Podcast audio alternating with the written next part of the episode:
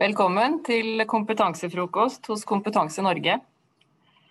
Vi tror kanskje at det mest kostbare som kan ramme oss eh, som samfunn er et oljeprisfall.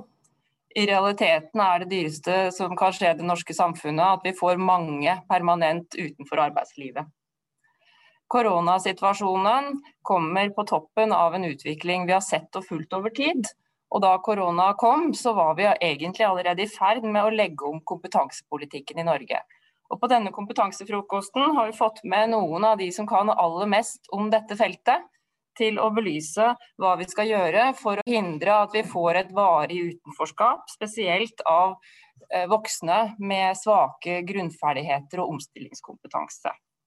Kompetanse Norge er et rådgivende organ og et utøverorgan som gir råd, men også som gjerne vil ha råd. Eh, og I dag skal vi starte med innlegg fra Sveinung skole, direktør i Kompetanse Norge, som skal belyse hva gjør Kompetanse Norge, hva har vi i verktøykassa, og hva er kapasiteten vår i en krise eh, til å skalere de tiltakene vi kan sette inn for å sørge for at vi ikke blir stående med mange voksne i et varig utenforskap fra arbeidslivet. Vær så god, Sveinung. Tusen takk for det. Da skal jeg prøve å dele skjerm her, så vi ser hvordan det står til med de grunnleggende IKT-ferdighetene. God morgen alle sammen. Jeg håper dere ser skjermen min eh, nå. Eh, god morgen til alle som på samme måte som oss i Kompetanse Norge er interessert i hvordan vi kan utvikle en kompetansepolitikk som virker, og som gjør at vi styrker inkluderingen av de med minst kompetanse.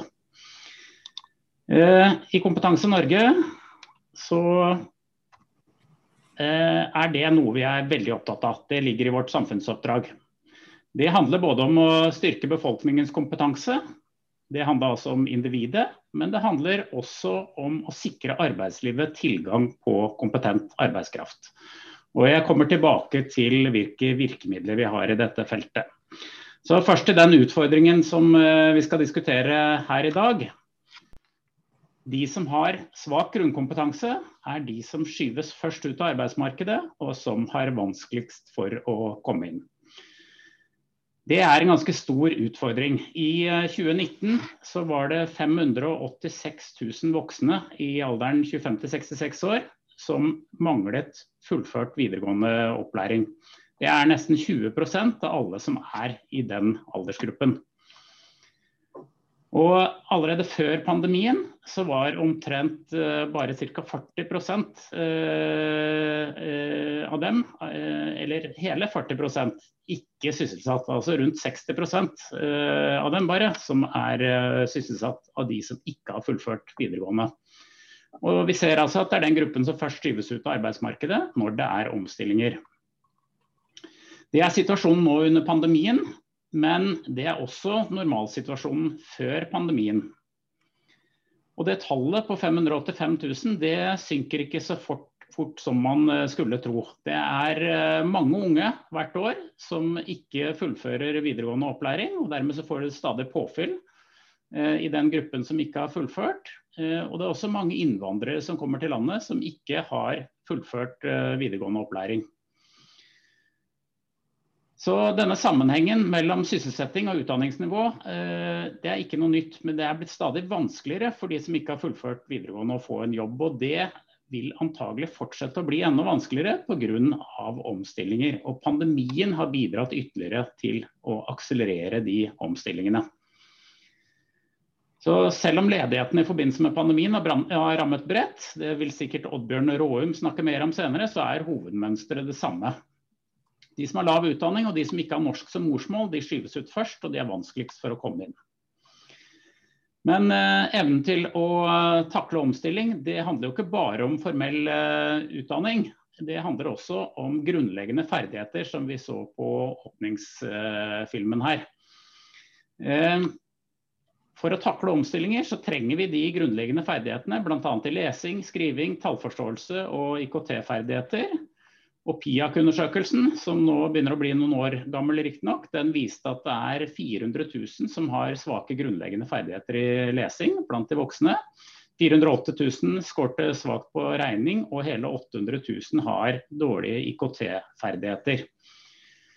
Og I tillegg til disse ferdighetene så handler jo omstillingskompetanse også i økende grad om sånne ting som kommunikasjonsferdigheter, sosiale og emosjonelle ferdigheter, innovasjonskompetanse og karrierekompetanse. Det siste ser vi ikke minst i disse dager, hvor muligheten til å ta informerte valg om videre utdanning og videre karriere er veldig viktig for alle de som er blitt ledige og permittert. Så er spørsmålet da, gjør vi noe med dette problemet, og gjør vi mer i forbindelse med pandemien? Eh, vi har eh, en del virkemidler som eh, er rettet inn mot å løse utfordringene for de med svake ferdigheter.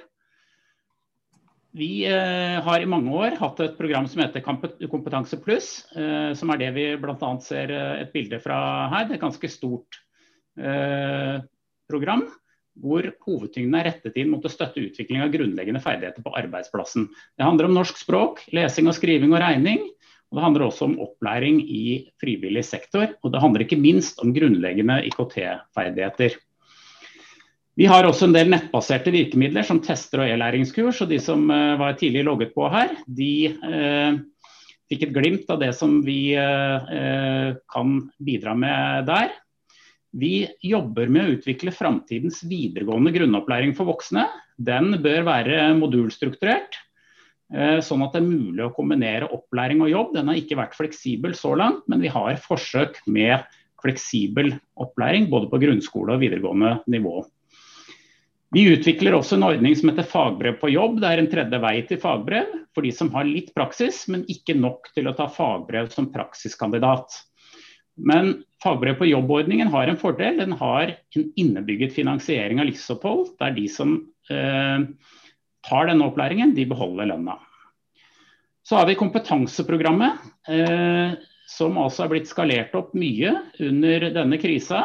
Det er ti eh, nå fra neste år treparts bransjeprogrammer. Eh, som eh, innebærer at partene bestemmer og definerer kompetansebehov i bransjen, og at man iverksetter tilpassede tiltak i forhold til det. Og eh, ganske mye av den opplæringen også som handler om grunnkompetanse.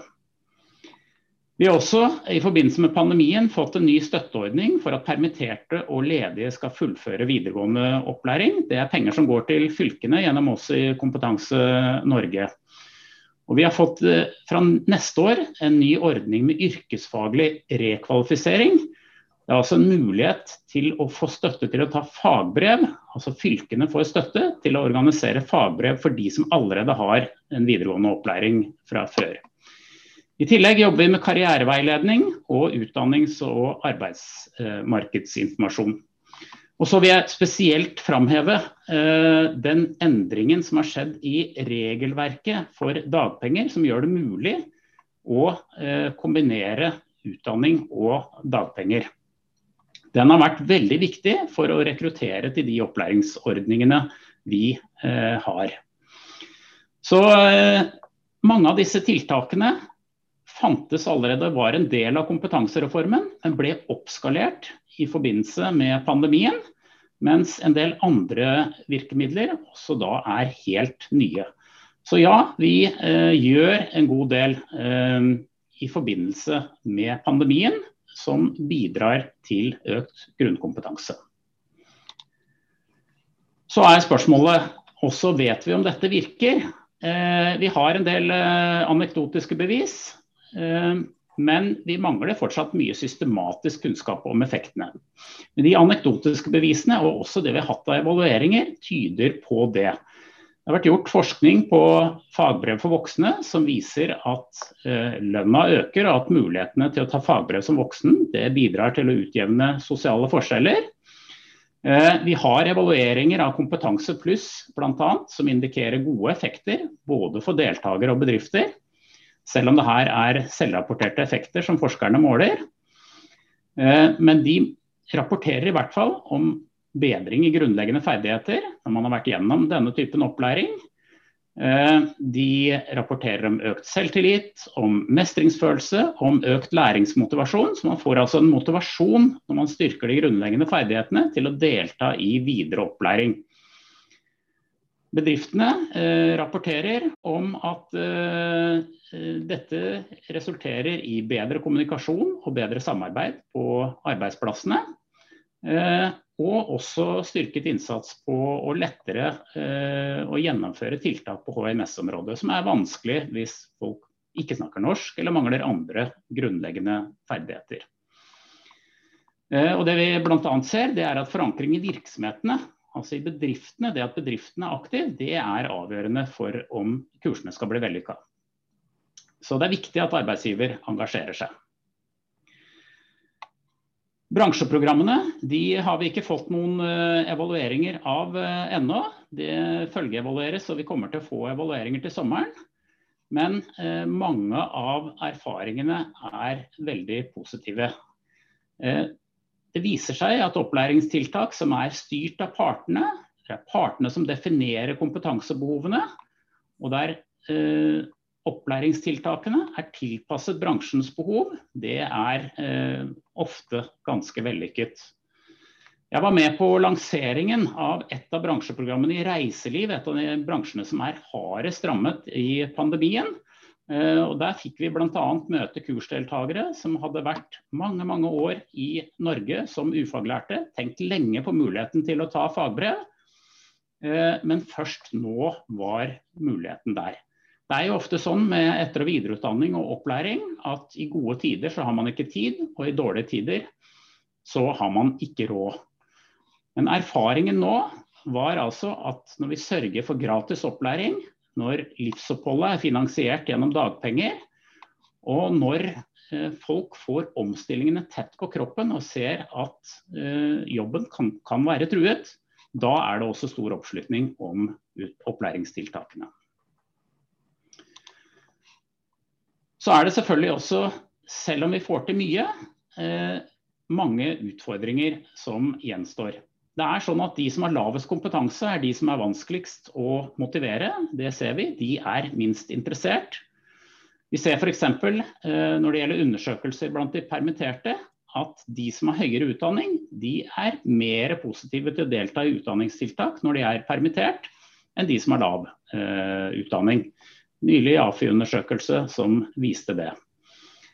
Vi hører også i våre rapporter fra fylkene som jobber med å nå fram til de som er permittert eh, og som mangler en videregående opplæring, at eh, en lang permitteringsperiode også kan gjøre at en del sitter på gjerdet, håper lenge å få tilbake sin gamle jobb, eh, og nøler litt med å delta i opplæring pga. det. Så vi trenger oppsøkende virksomhet. Det nytter ikke bare å lage tilbud til de som har lavest kompetanse. De kommer ikke løpende bare fordi det er et tilbud. Det er også en veldig viktig rolle både for arbeidsgivere og for tillitsvalgte når det gjelder eh, de som er i arbeid eller som er permittert. Eh, og når det gjelder Nav-kontorene selvfølgelig for de som står eh, utenfor. Så eh, Trepartssamarbeidet om kompetansepolitikk og partssamarbeid på bedrifts- og bransjenivå, det ser vi eh, er viktig. Et annet problem det er at eh, det er for dårlig samordning eh, og for lite utveksling av data og informasjon mellom Nav og utdanningstilbyderne om de som er ledige. Så mens fylkene sitter på informasjon om hvem som har rett til videregående opplæring f.eks., så sitter Nav på informasjon om hvem som er ledige, og så er det utfordringer med at disse skal finne hverandre. Og da, Fylkene etterlyser også langsiktighet i rammebetingelser og finansiering. Og så blir Det spennende da, det jobbes med et nytt og permanent regelverk for dagpenger. Eh, og Det blir spennende å se om det løser utfordringene med finansiering av livsopphold. Og til slutt så vil jeg si at det trengs mer kunnskap om alle disse utfordringene. Så det er mange utfordringer, men en del av det vi gjør, det virker. Eh, I forhold til hovedspørsmålet i dette seminaret, er det håp for dem med lav grunnkompetanse, så er svaret et klart ja. Og Så får vi komme tilbake til hva vi kan gjøre enda mer i debatten eh, videre. Takk for det, Sveinung.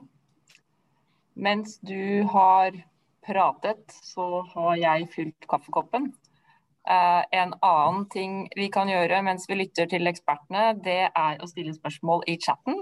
Uh, og de har man da muligheten til å få uh, framført til et usedvanlig sterkt panel. Eh, som Sveinung Skole, Skole sier, så trenger vi mer kunnskap. Nå blir systemet vårt eh, satt på en hard prøve. Vi var i ferd med å rulle ut en ny kompetansepolitikk da, da krisen rammet. Og en av de som har forsket aller, aller mest på dette feltet, er seniorforsker Oddbjørn Råum ved Frisch-senteret. Og han er nestemann ut, vær så god. Ja, takk for det. Takk for uh, invitasjonen. Uh, det jeg skal snakke om er da uh, ta utgangspunkt i det som eh, Sveinung eh, understreket, nemlig at denne krisen har ført til at vi er i en situasjon hvor den trenden vi har sett med økende krav til kompetanse, har bare fått en ny eh, omdreining. Så det jeg skal si eh, litt om i, i, de minuttene jeg har fått anledning til å innlede her, det er at jeg skal fokusere litt på hva vi vet nå om, i ny empiri om kompetanse og deltakelse i arbeidslivet, med fokus da på eh, det vi ofte kaller for koronaledighet. De, altså de som har mistet jobben, er permitterte og ledige etter begynnelsen av mars. Jeg skal også legge fram noen tall som viser at eh, de som var ledige da nedstengningen eh, skjedde, eh, også har fått tøffere, tøffere vilkår i arbeidslivet, naturlig nok. Og spesielt de som da ikke har fullført videregående opplæring. Jeg har også tenkt til å avslutte med litt mer frie tanker om, om, hva som er gjort på politikkområdet. Sveinung gikk gjennom en rekke initiativ som er tatt i forhold til å eh, gjøre det enklere for personer som ønsker å ta en kompetanse nå i denne tiden, og gjøre det både på tilbuds- og på, på rettighetssiden når det gjelder livsopphold. Men jeg stiller meg litt spørsmål om hvis jeg nå var en person som var 30 år eh, og var permittert og lurte på om jeg skulle ta opp en videregående opplæring jeg hadde avsluttet, eh, og lurte på det, er det sånn at eh, jeg får den hjelpen til å treffe de riktige beslutningene? Jeg skal diskutere det. Jeg tror det er et viktig poeng, som også Sveinung var inne på, som gikk mer på koordinering mellom de ulike aktørene som nå har ulike bidrag inn i, bildet, i kompetansebildet. Så eh, Utgangspunktet er da denne forsterkede trenden eh, med økt krav til kompetanse som Sveinung snakket om.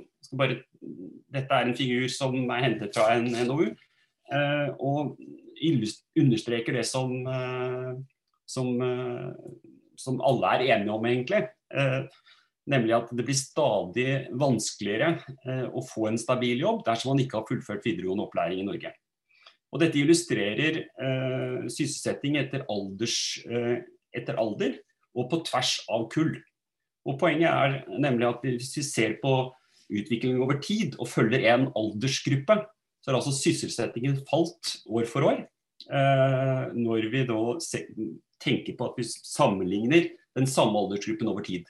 Sysselsettingen faller med alder, men det er også sånn at de yngste kohortene nå, som f.eks. er 40-44 år, de har lavere sysselsetting enn de som var født 10 og 15 år eh, tidligere.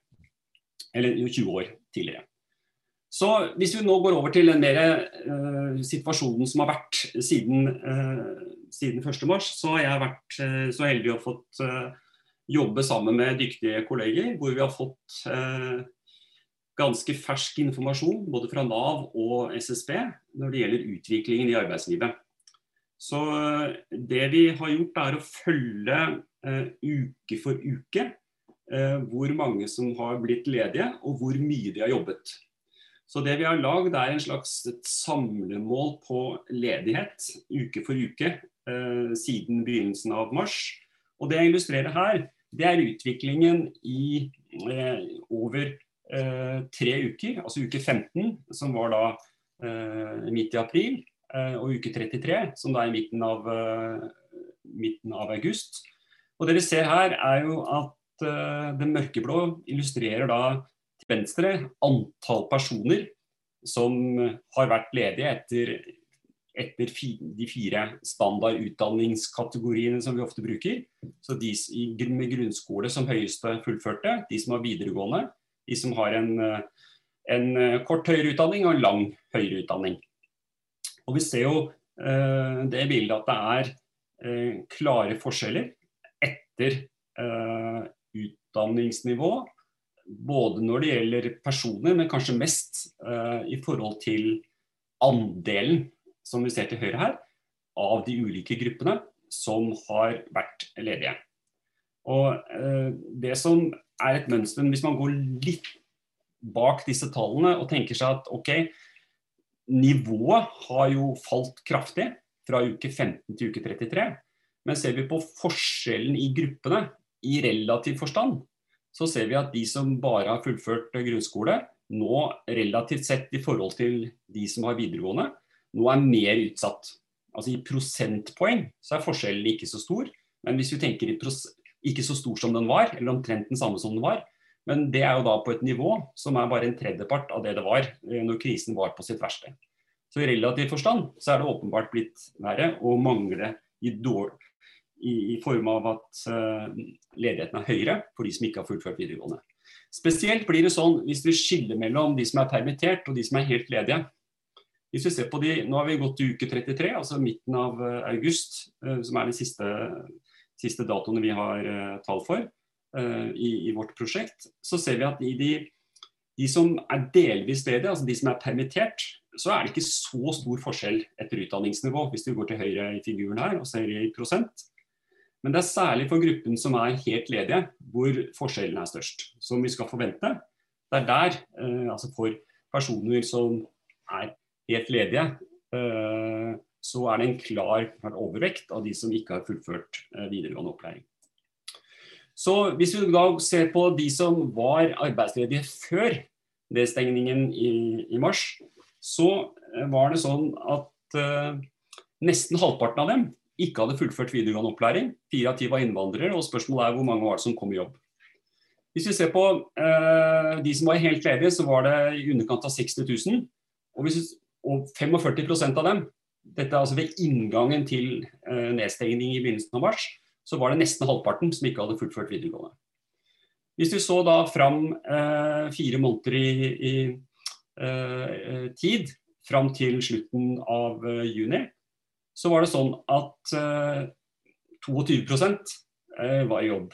Vi, det var av hele gruppen. Hadde vi sett på de som hadde fullført videregående, så ville det vært under 15 uh, eh, Så det betyr at det er åpenbart sånn at overgangen inn i jobb også har av, også har blitt påvirket av koronasituasjonen. For hvis vi sammenligner med året før, så var det også sånn at i februar 2019 så var det også nesten halvparten som ikke hadde fullført videregående. Men da var det eh, 31% som var tilbake i jobb i juni 2019. Så du kan si at den falt nesten med en tredjedel, eller 30% overgangen til jobb som følge av eh, korona. Så det betyr sant, at vi er i en situasjon nå hvor vi får Det er flere grunner til at den gruppen som nå er arbeidsledige, Eh, i stadig altså blir, altså får en situasjon hvor, hvor, de som ikke har fullført videregående, utgjør en stor andel av den gruppen. Sånn vil det alltid være også i normale tider.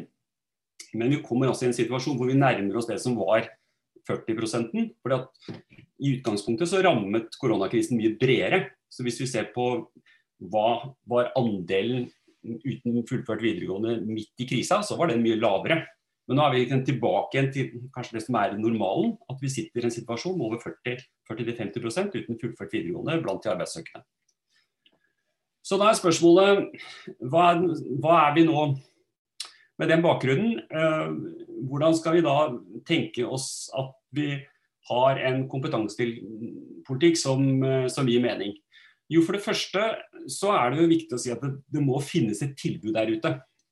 Det må finnes et tilbud. og, og Sveinung var innom eh, en god del av momentene som, som at det, har, det, skjer mye der. Og det kom klare initiativ nå i sommer og i budsjettet. Det som er bekymringen min, og som nevnte, det er strukturen på dette tilbudet. Eh, og jeg, jeg syns jo det er litt trist at det har satt så lang tid eh, å få fram denne moduliseringen og, og fleksibiliteten i etterutdanningssystemet for Uh, altså tilbudet for voksne uten, uten, fullført videregående, det burde det nå Jeg vet at det er trøkk på det, uh, men spørsmålet er om det er nok uh, trøkk. og når man ser på de dokumentene som eh, i hvert fall er tilgjengelige nå offentlig, så, så, skal det ta lang tid før dette. Det er lange eh, horisonter for evaluering og sånn. Og jeg spør, spør, meg om er dette virkelig nødvendig. At man skal gå år, eh, at man skal gå mange år for å evaluere dette. når man er ganske opplagt at dette bør rulles ut i, i ganske raskt i forhold til behovet. Så er det andre spørsmålet. Det må jo oppfattes som attraktivt også for den enkelte. Eh, og der er det jo skjedd endringer i dagpengeregelverket ved at det nå er blitt anledning eh, til å eh, ta utdanning samtidig. Jeg kommer tilbake til det om et lite øyeblikk. Så er det jo sånn at denne, som også Sveine mente, det bør gi uttelling. Og det er spørsmål om hvilke tiltak som gjør det. Man kan diskutere opp og ned evidens i forhold til hvilke tiltak som virker, og hva som kreves for å være god dokumentasjon på at ting virker. Jeg skal ikke, ikke uh, gå inn på den diskusjonen her. Uh, men det som jeg er mest uh, bekymret over, er egentlig hvordan myndighetene kommuniserer til, til personer. Hvis du tenker nå, så er det over 50 000 personer per i dag, sånn røffelig, som er permittert eller arbeidssøkende uten fullført videregående opplæring. Altså ikke, og Spørsmålet er hva er det som kommuniseres til eh, de personene. Ja, hvis vi ser på hva som f.eks. Lav-direktøren sa i media for et par måneder siden, så kunne vi si at ok, der var det en, en diskusjon om ok, det er ikke sikkert at du får jobben tilbake. Du bør tenke gjennom om det kan være verdt å uh, ta uh, mer kompetanse, særlig hvis du ikke har fullført videregående opplæring. Og så skulle man jo tro da, at uh, på denne bakgrunn så vil man få, hvis man går inn på nav.no, så vil man få heiarop fra myndighetene og si at OK, her, her har du virkelig eh, fint. Nå, dette skal vi støtte deg på. Vi har et tilbud, vi har eh, muligheter for å ta utdanning. Så spørsmålet er hva som dukker opp på nav.no. Jeg henger, jeg skal, Meningen er ikke å henge ut nav.no her, men, men, poenget er hva, hva er det som hva er det som møter deg der? Og Det som møter deg er at du for det første, du kan ha rett til dagpenger. Det er ikke sånn at du møter deg Hei, du er, er du interessert i å ta videregående opplæring? Dette har du muligheten til. Du kan få det. Det er en mellombels ordning. Og i løpet av den siden som kommer opp, så er det understreket tre-fire ganger at dette er foreløpig. Det gjelder til 31.12.2020. Så jeg tok ut dette fra nav.no i går. Og Der står det altså at du har 14 dager til eh, på, på, på, deg. Eh, denne ordningen gjelder 14 dager til ut året. Så står det riktignok at regjeringen har foreslått å utvide, men det er jo ikke noe som du kan bli, bli lovet. Det er bare det står at det er et forslag. Så er det neste som da Skal vi se Jeg hadde en side til. Jo, det kommer videre. Du kan, eh, selv om du skal ta utdanning, så må du være aktiv jobbsøker og være tilgjengelig dersom du skulle få ny jobb. Og også, så kommer det helt til slutt at minner deg på igjen at dette er en mellombels ordning. Den går ut på året. Så spørsmålet er en person som i utgangspunktet kanskje ikke har den karrierekompetansen som vi tenker på, som virkelig skal planlegge å gå tilbake og ta opp videregående opplæring. Hva, hva er det vi formidler eh, fra myndighetenes side? Eh, når det gjelder mulighetene. Heier vi på vedkommende? Det er jeg i tvil om. Men det var mer et innspill til eh, debatten, eh, og hvordan vi kan tenke om vi får fram egentlig det, vi, det som er hensikten, sett fra myndighetenes side. Så jeg gir meg der i denne omgang. Takk for det. Mens mens du har snakket, så har vi fått et spørsmål om det er mulig å se webinaret i etterkant. Og det vil det bli. Opptak vil ligge på Kompetanse Norge sin Facebook-side. Ja. Oddbjørn Råum etterlyser trøkk eh, og vilje og tydelig kommunikasjon for å komme videre eh, med støtte til de som har blitt rammet av koronasituasjonen. Og hvis det er et sted vi kan forvente at vi skal få drahjelp på det feltet, så er det fra LO. LO-lederen har vært tydelig fra lenge før korona var et, eh, et, tema, at kompetansepolitikk er en av hans store hjertesaker. Hans Christian Gabrielsen, vær så god. Tusen takk, eh, Hilde, og tusen takk for uh, invitasjonen. Og ikke minst takk til Kompetanse Norge for at dere setter dette viktige temaet på, på dagsordenen. Det er jo som de foregående innlederne har understreka, at det å bli stående med svak grunnkompetanse i, i dagens arbeidsliv, i dagens samfunnsliv, det, det rammer den enkelte sterkere enn det det gjorde tidligere. Eh, og Det henger selvfølgelig med at kravene til eh, kompetanse det har økt. Og, og vi vet jo at det å ha god grunnkompetanse eh, det er viktig både for å kunne delta i arbeidslivet, det å kunne håndtere omstillinger. Men det er også utrolig viktig for å, å ha det som grunnlag for videre, videre læring. Og Da ser vi jo i, i, dagens situasjon, hvor mange av oss har opplevd eh, et uh, digitalt løft uh, gjennom denne pandemien, så, så, ser vi også hvor viktig eh, grunnkompetanse er for å både forstå og forholde seg til et samfunn som er blitt mer komplekst, og, og der vi Eh, når vi nå så eh, fra hjemmesidene, det er bare det å kunne nyttiggjøre seg av, av offentlige tjenester, eh, som også krever grunnleggende digitale ferdigheter. Samfunnsmodellen vår, den norske, den er avhengig av at vi har en befolkning med, grunn, med god grunnkompetanse. Og det henger sammen med, med arbeidslivet, altså med, med den Eh, koordinerte lønnsdannelsen vi har i, eh, i Norge, hvor, eh, som fører til mindre lønnsforskjeller enn i veldig mange andre land. Men som igjen da er en driver for, for teknologiutvikling og derigjennom også kompetansekrav. Så hvis ikke befolkningen rustes med kompetanse for å holde tritt med, med endringene, vi nå også fått illustrert, og på den måten så settes også velferdsstaten under press. Eh, det er jo veldig ille for eh, den enkelte. Det er ille for eh, det norske arbeidslivet.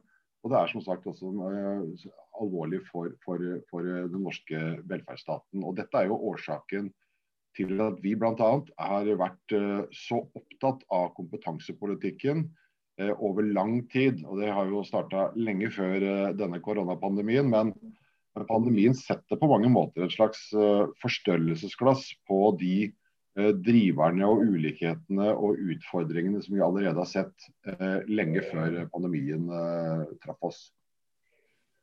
Og så er det jo sånn i alle kriser, også denne, at uh, det særlig går utover dem med lav utdanning, lav kompetanse. Uh, og denne skjevfordelingen den risikerer vi at også kan forsterkes fremover. det betyr at flere kan skyves lenger bort fra arbeidslivet. Og vi har sett at forskjellene i digital kompetanse har blitt større gjennom også pandemien. Det er eh, sårbare barn, det er unge som har blitt eh, ramma hardere enn eh, andre.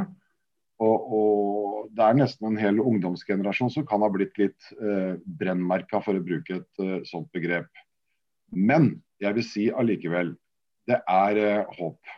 Eh, og jeg tenkte jeg skulle bare nevne noen av de områdene som jeg mener er løfterike, og som vi må forsterke og, og holde eh, trøkket på i, i tida framover, og, og, som også grunnlag for, for diskusjonen vår. Um, nå har det vært nevnt flere ganger, Vi har jo gjennom trepartssamarbeidet uh, det siste året fått på plass gode muligheter til å kunne kombinere dag. Det ser ut som Hans Christian Gabrielsen har en dårlig forbindelse.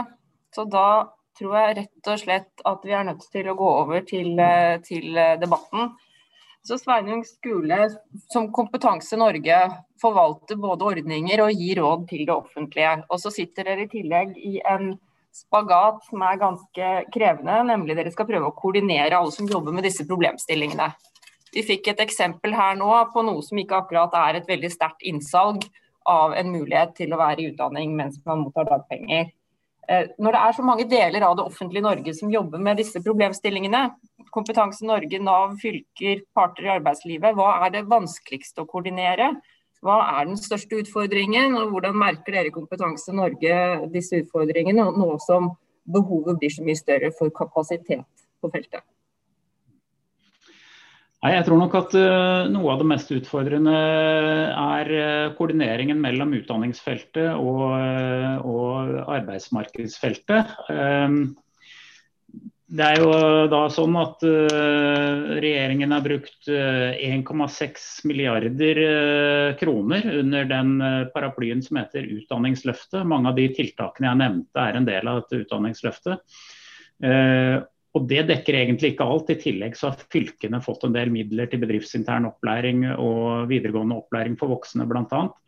Så det å eh, koordinere da og sørge for at disse midlene som er satt av til utdanning og opplæring, treffer eh, de som eh, er ledige og permitterte, det har vært en veldig viktig utfordring. Og vi ser at fylkene melder det tilbake at uh, de må samarbeide med det enkelte Nav-kontor for å kunne nå fram til de brukerne som da har fått uh, muligheter gjennom disse ulike tiltakene som uh, er satt i verk.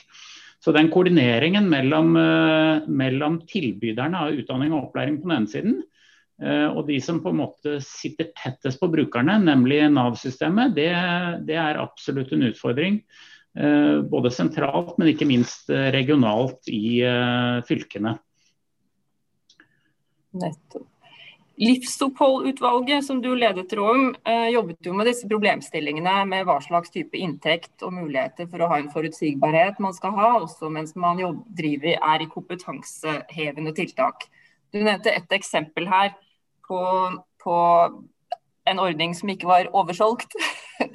Eh, flere av dere har i innleggene vært inne på behovet for å motivere folk til å gå av passive ytelser og faktisk jobbe med kompetanse. Eh, er det flere klare råd du har til politikken framover nå for å, for å, unngå denne fella? Det her med passive ytelser, at, sørge for at folk kommer inn i kompetanseløp? Oddbjørn? Eh, la meg kommentere litt koordineringsproblemet. Jeg tror Sveinung har helt rett i det. Eh, men det som jeg savner også, det er en veldig klar eh, melding fra regjeringen. Altså det som nå har eh, For meg så er det Hvis jeg skal være litt sleivete, så er det sånn at regelverket nå er sånn at du kan ta utdanning. utdanning. Ok da, hvis du absolutt må. Hvis du absolutt må ta utdanning med dagpenger, så skal du få lov til det. Det er ikke heiing. Det er ikke sånn å si at OK, nå la oss ta Gå hjem og tenk. Skal jeg bruke et halvt år, skal jeg bruke et år på å ta opp for å fullføre videregående opplæring? Uh, og så skal vi gi deg støtte til det. Så for meg så er regjeringen utydelig på dette punktet. Og det betyr også at koordineringen som Sveinung og andre skal gjøre, den er vanskelig. Fordi at uh, når, ikke, når det er sånn at du ikke kan vedta en rettighet til dagpenger som gjelder mer enn til 31.12. Uh, dette året. At du ikke kan ha et lengre perspektiv på det regelverket enn noen uker. Så ikke, kan ikke Sveinung eller andre koordinere dette og gå ut aktivt og selge en, en ordning som ikke faktisk er vedtatt. Så at regjeringen da på den ene side har sagt at det er ekstremt viktig å ha en langsiktighet i permitteringsordningen. Det har vært viktig å få på plass kontantstøtten til bedriftene har vært viktig å få formidlet at dette er noe som kommer til å vare også framover. Fordi at eh, Med utgangspunkt i at folk treffer beslutninger med en langsiktig horisont, så er det viktig å få rammebetingelsene tydelig og klart på, på området. Dette gjelder ikke dagpenger og utdanning. For meg så er det en gåte. Og da, og da kommer man i en situasjon hvor koordineringen da selvfølgelig blir vanskelig. fordi at det sentrale regelverket, nemlig for livsopphold, det er uklart. Eh, i et, lengre, i et, litt lengre perspektiv. Så er det spørsmål hva man skal gjøre av andre ting. Eh, jeg tror at vi, altså I det utvalget som jeg satt i, så, så kom vi med forslag til eh, en ordning med tilskudd til utdanningspermisjon.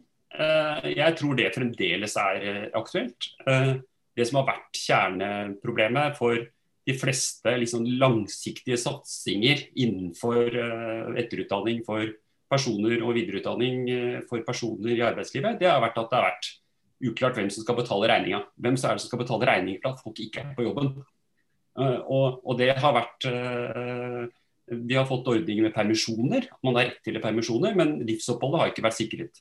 Og jeg mener at Vi hadde gode forslag på det området, også for folk som da var i jobb.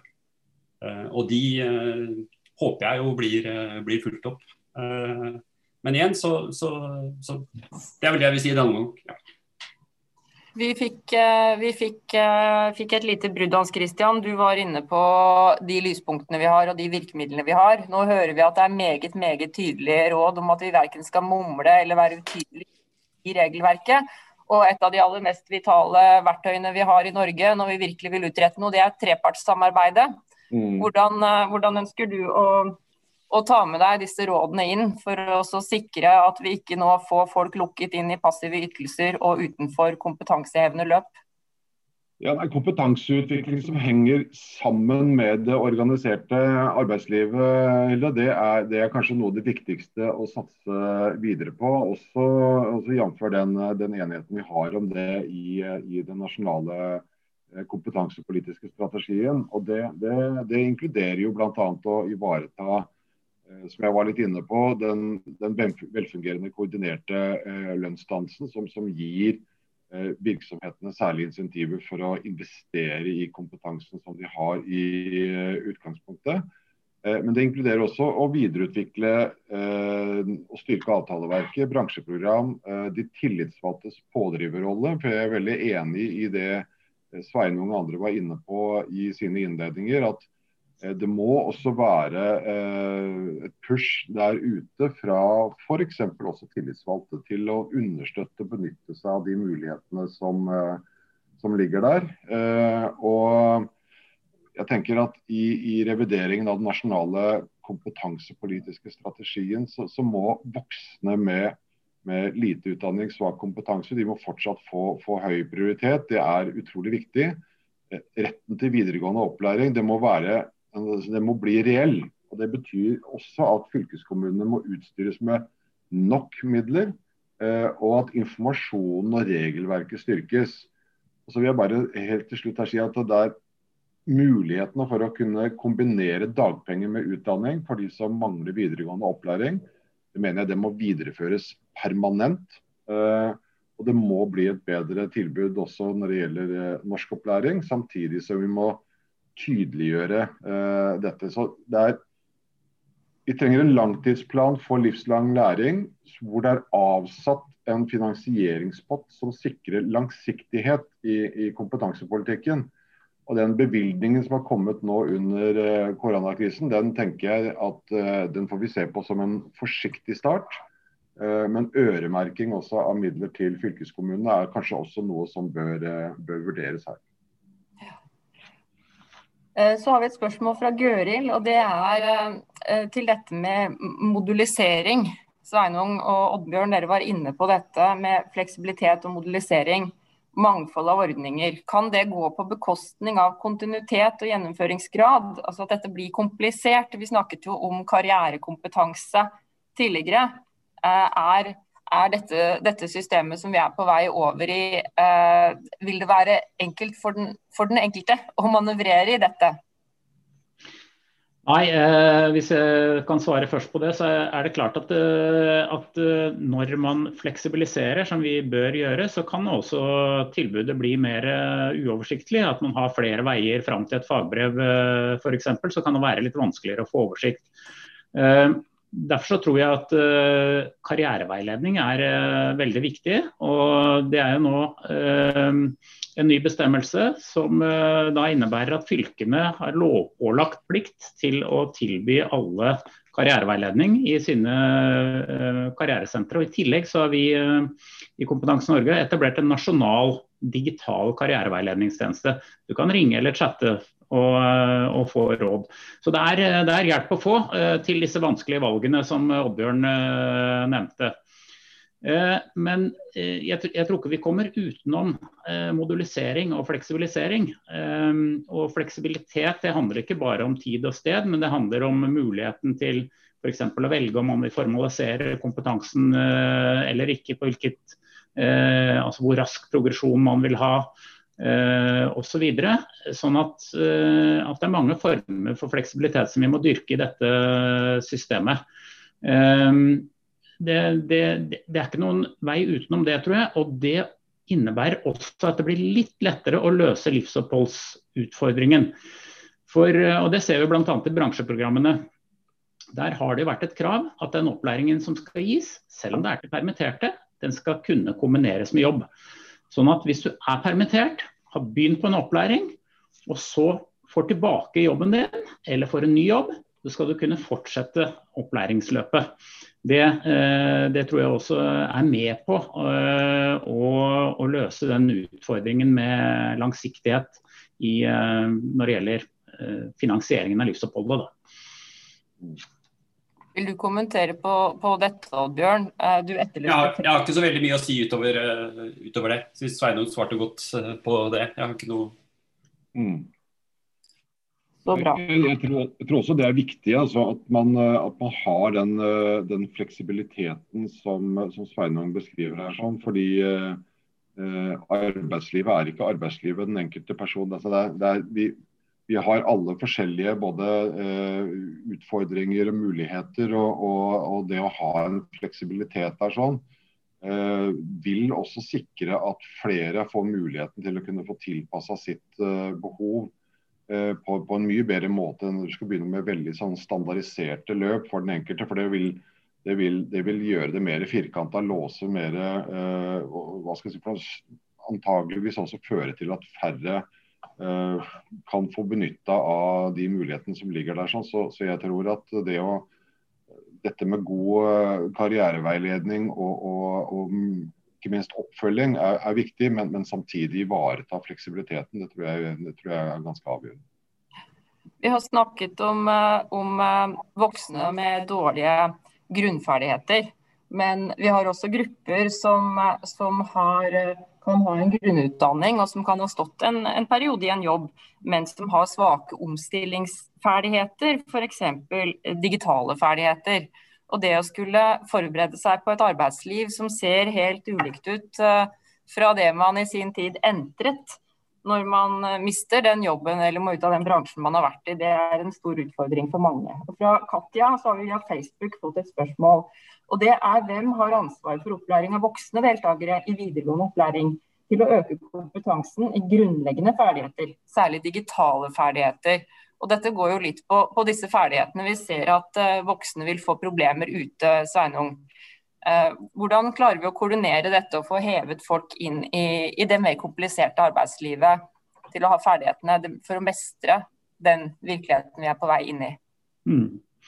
Altså når det gjelder å kombinere, Hvis man mangler uh, grunnleggende ferdigheter på grunnskolenivå, så er noe av det som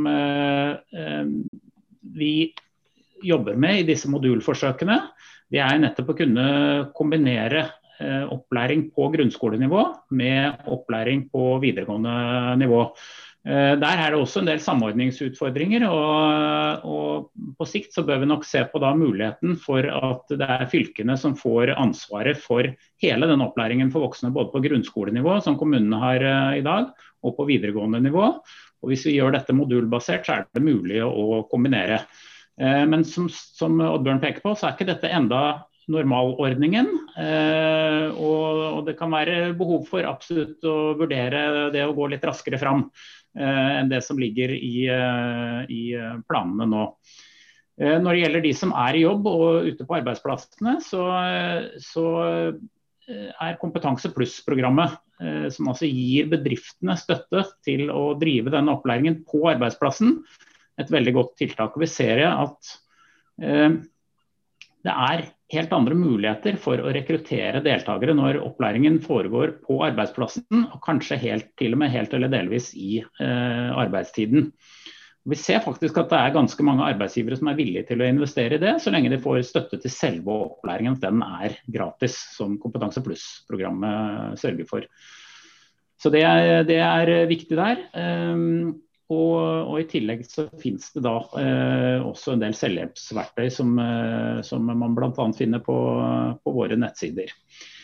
Men jeg, jeg, jeg, tror altså dette med motivasjon, tror jeg når vi snakker om den, den, gruppen som vi snakker om i dag, det er veldig veldig viktig. Og jeg har lyst til å, å, å, bare forsterke det som også Hans Christian var inne på, at de tillitsvalgte har en veldig viktig rolle i å motivere og rekruttere til opplæringstiltak. Det har vi sett f.eks. i bransjeprogrammene. Si at Når mm. Fellesforbundet sender en SMS til alle sine medlemmer og sier at nå har vi laget et opplæringstilbud som er skreddersydd akkurat for deg, eh, så ser vi at eh, det påvirker rekrutteringen til opplæringen positivt.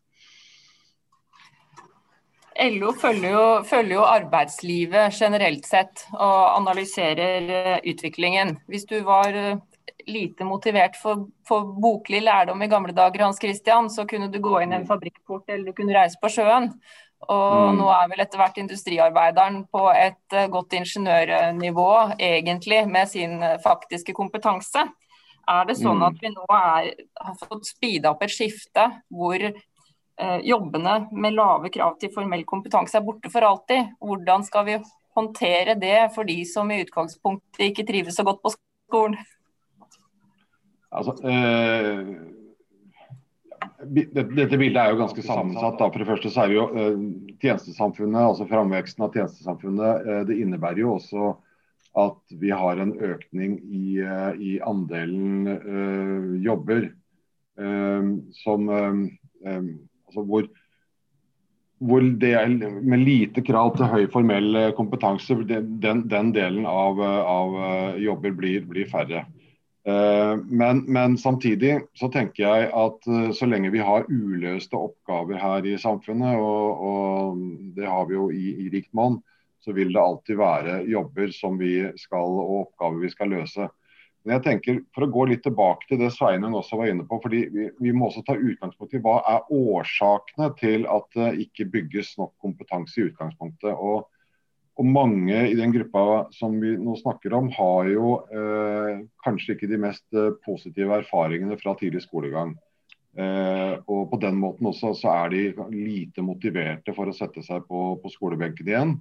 Eh, det her jeg eh, vi, vi, peker på det å ha motivasjon, det å ha pådrivere som kan eh, bidra positivt, det, det, er, det er viktig. Vi vet at de tillitsvalgte har en Eh, en sentral og viktig oppgave der. At arbeidsgiverne også er, eh, er på. Det tror jeg er, er svært nødvendig.